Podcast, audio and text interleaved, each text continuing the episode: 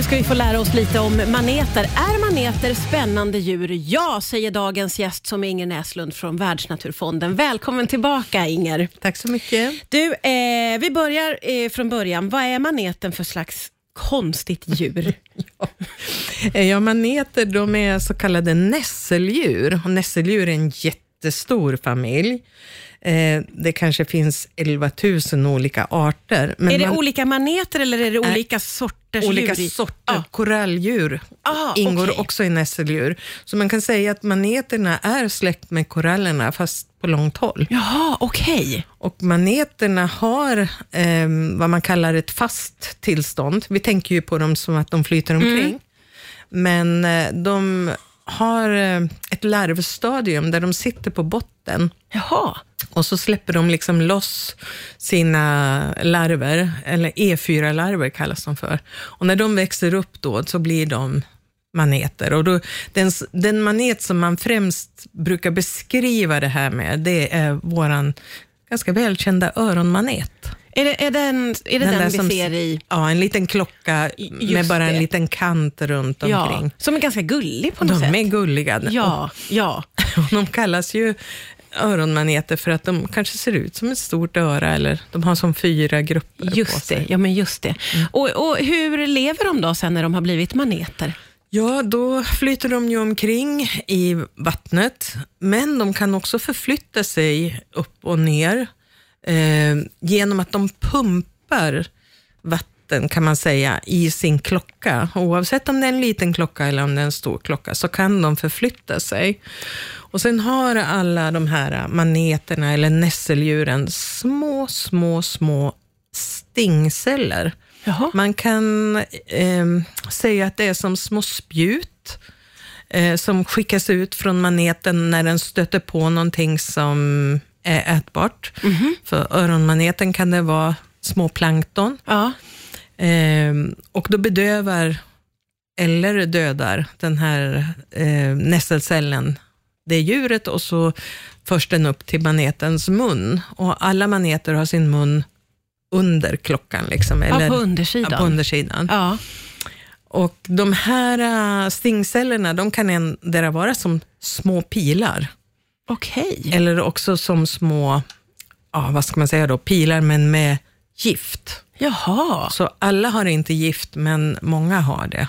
Men äter alla maneter som planktonliknande föda, eller finns det några som äter något större, är jag ja, ute efter nu? Alltså det finns ju maneter som kan bli en halv meter ja. eller kanske större i tropiska hav. Ja. Och de kan naturligtvis ta små fiskar också. Ja, ja, ja, med sin mun där på undersidan. Ja, eller med de här stingcellerna och så sen transporteras det, vad ska man säga, det är som små transportband om jag ska De är mycket mer komplicerade än vad jag trodde, det måste jag verkligen säga. Men det är en bra start för maneterna. Det är Inger Näslund från Världsnaturfonden som är tillbaka och idag får vi lära oss om maneter som var eh, redan inledningsvis tusen gånger mer spännande än vad jag någonsin hade kunnat drömma om. Vi måste prata lite om hur de är uppbyggda. De ser ju ut att bara vara av gelé. Ja, och man kan väl säga att det känns ju som gelé om man tar i dem. Och det är eh, ett... Eh, det är egentligen uppbyggt av kollagen och kollagen är ett fiberprotein som man brukar prata om i alla möjliga skönhetssammanhang mm. och sådär. Och det finns naturligtvis många olika typer av kollagen.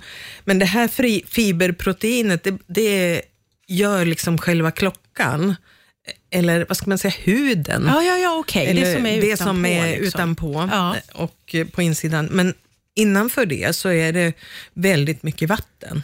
De består av vatten? Ja, man kan säga vi människor består ju också jättemycket av vatten. Ja, men man ser inte det på samma Nej, sätt. man ser inte det på samma sätt. så det är ju vätska och så kan den då, liksom, vad ska man säga, pressa samman det här vattnet i klockan och då röra sig uppåt eller neråt. Så den kan alltså förflytta sig. Man, man kan säga som en liten pump. Ja, ja, ja, så den far inte bara omkring med vågor, utan den kan också den styra? Kan för, för, den kan styra, men den, den, driver naturligtvis de längre sträckorna med strömmar ja. eller vågor. Ja, ja, ja, precis. Och det ser man ju om man är vid stranden och, ja. och det kommer in stora vågor, så kommer de där maneterna in. Det kan också bero på att de håller på att dö. Så att de inte styr sig själva ah, lika ja, ja. bra ah, längre. Ah, okay. Vi måste ju prata lite grann Inger om det faktum att det ju finns många olika sorter. Eh, för vi har ju maneter i Sverige mm. och de är väl ganska harmlösa, de flesta av dem? Ja, alltså den här uh, vanliga öronmaneten som vi pratar om, den är ju väldigt uh, harmlös. Mm. Uh, och det, det, har man sett ibland. Jag har sett barn som har lekt med dem där på stranden. Och Då skulle jag vilja säga att man ska komma ihåg att det är djur. Ja, du, det här ser man på ditt ansikte nu. Jag tycker inte om att små barn håller på och klabbar och leker med Nej, dem. Nej, man ska inte leka med djur. Man ska ha liksom en, en respekt för Verkligen. dem. Även och det om, skickar vi ut där tycker jag. även vi. om de är, inte ser ut som djur kanske. Men eh, eh, sen har vi ju eh, den röda brännmaneten och den blå brännmaneten i svenska vatten som är ganska vanliga. Ja. Var finns de? På västkusten. Ja. Vi kan säga i Östersjön har man bara öronmaneter om man ser maneter. Mm. I alla fall än så länge. Men det beror på det här med salthalt. För de flesta maneter gillar havsvatten och, och eh, salt. Ah, okay. Och Östersjön blir ju mera utsötad. Ja, just det.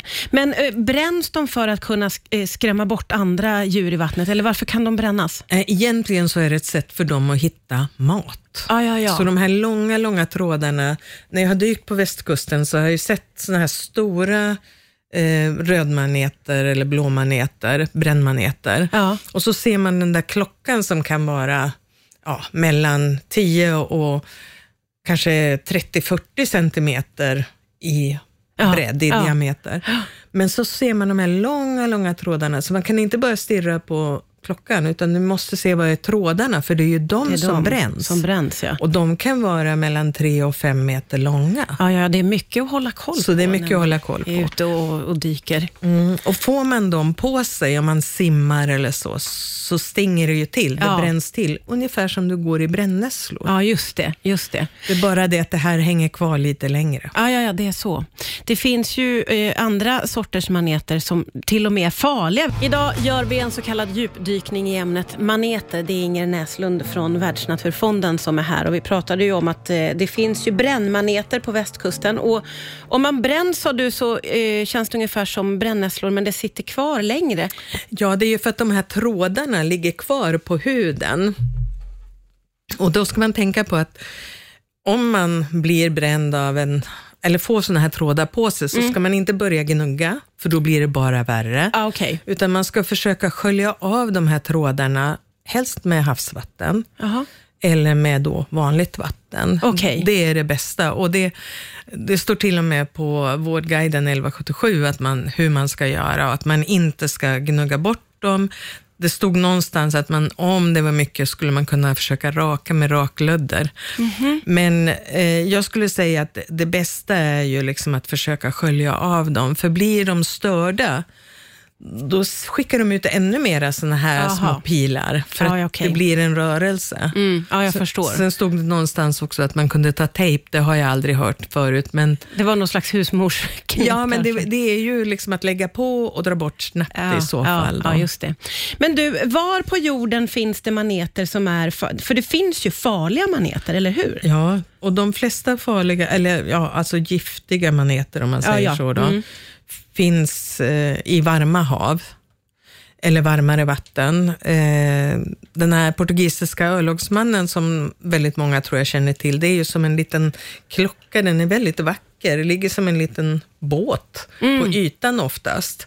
Men den har också så här enormt långa trådar under vattnet. Ja. Och det är ingen äkta manet, utan det är en sån här hydroid som man kallar med ah. jättemånga små eh, celler som hänger samman, ah, okay. men under samma klocka. Då. Ja, just det. Och den bränns väldigt mycket Ja, då? Den, den har väldigt... Eh, den har alltså ett, ett gift. Ja, okay. När den, de här små cellerna som mm. skickas mm. iväg, de har ett gift. Mm, så att mm. den kan, får man mycket på sig, då bör man nog åka till ett sjukhus. Men vilka är det som har nästan dödat, eller har dödat människor? Ja, det är de här eh, eh kub, kubmaneterna. På engelska heter de box jellyfish. Okay. De finns oftast i riktigt varma hav. Ja. Eh, som ja, vid Australiens kust, i Thailand har man hittat dem, Ah, okej. runt Indonesien och så kan de finnas. Väldigt giftiga då?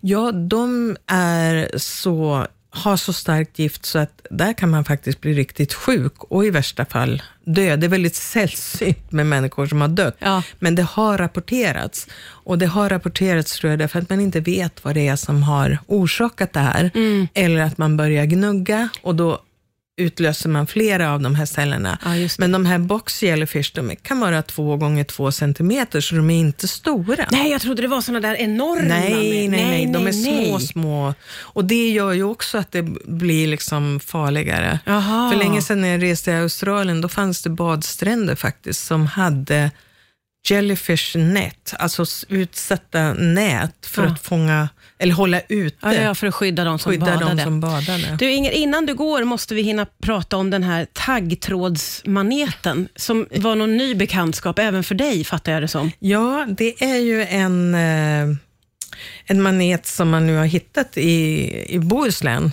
eh, faktiskt på vintern. Okej. Så eh, den är också en sån här lång, smal sak som hänger ihop, ungefär som eh, det här med portugisisk örlogsman, det är bara det att den har ingen klocka, så det är svårt att Det är bara se som ett den. snöre då? Som ett långt snöre och den, klass, kass, den kallas också trassligt havssnöre. Nej.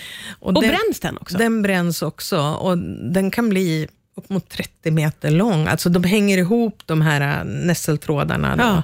Så att den, eh, ser man den så ska man undvika den. Jaha, för den gör ont helt Den enkelt. gör Och ont. den Det- låter ju skräckfilmsaktig, 30 meter långt snöre. Ja, den kanske inte är 30 meter lång utsträckt så, men, men den finns i lite svalare vatten Ja. och den har väl samma effekt som brännmaneterna skulle Ah, jag säga. Ah, okej.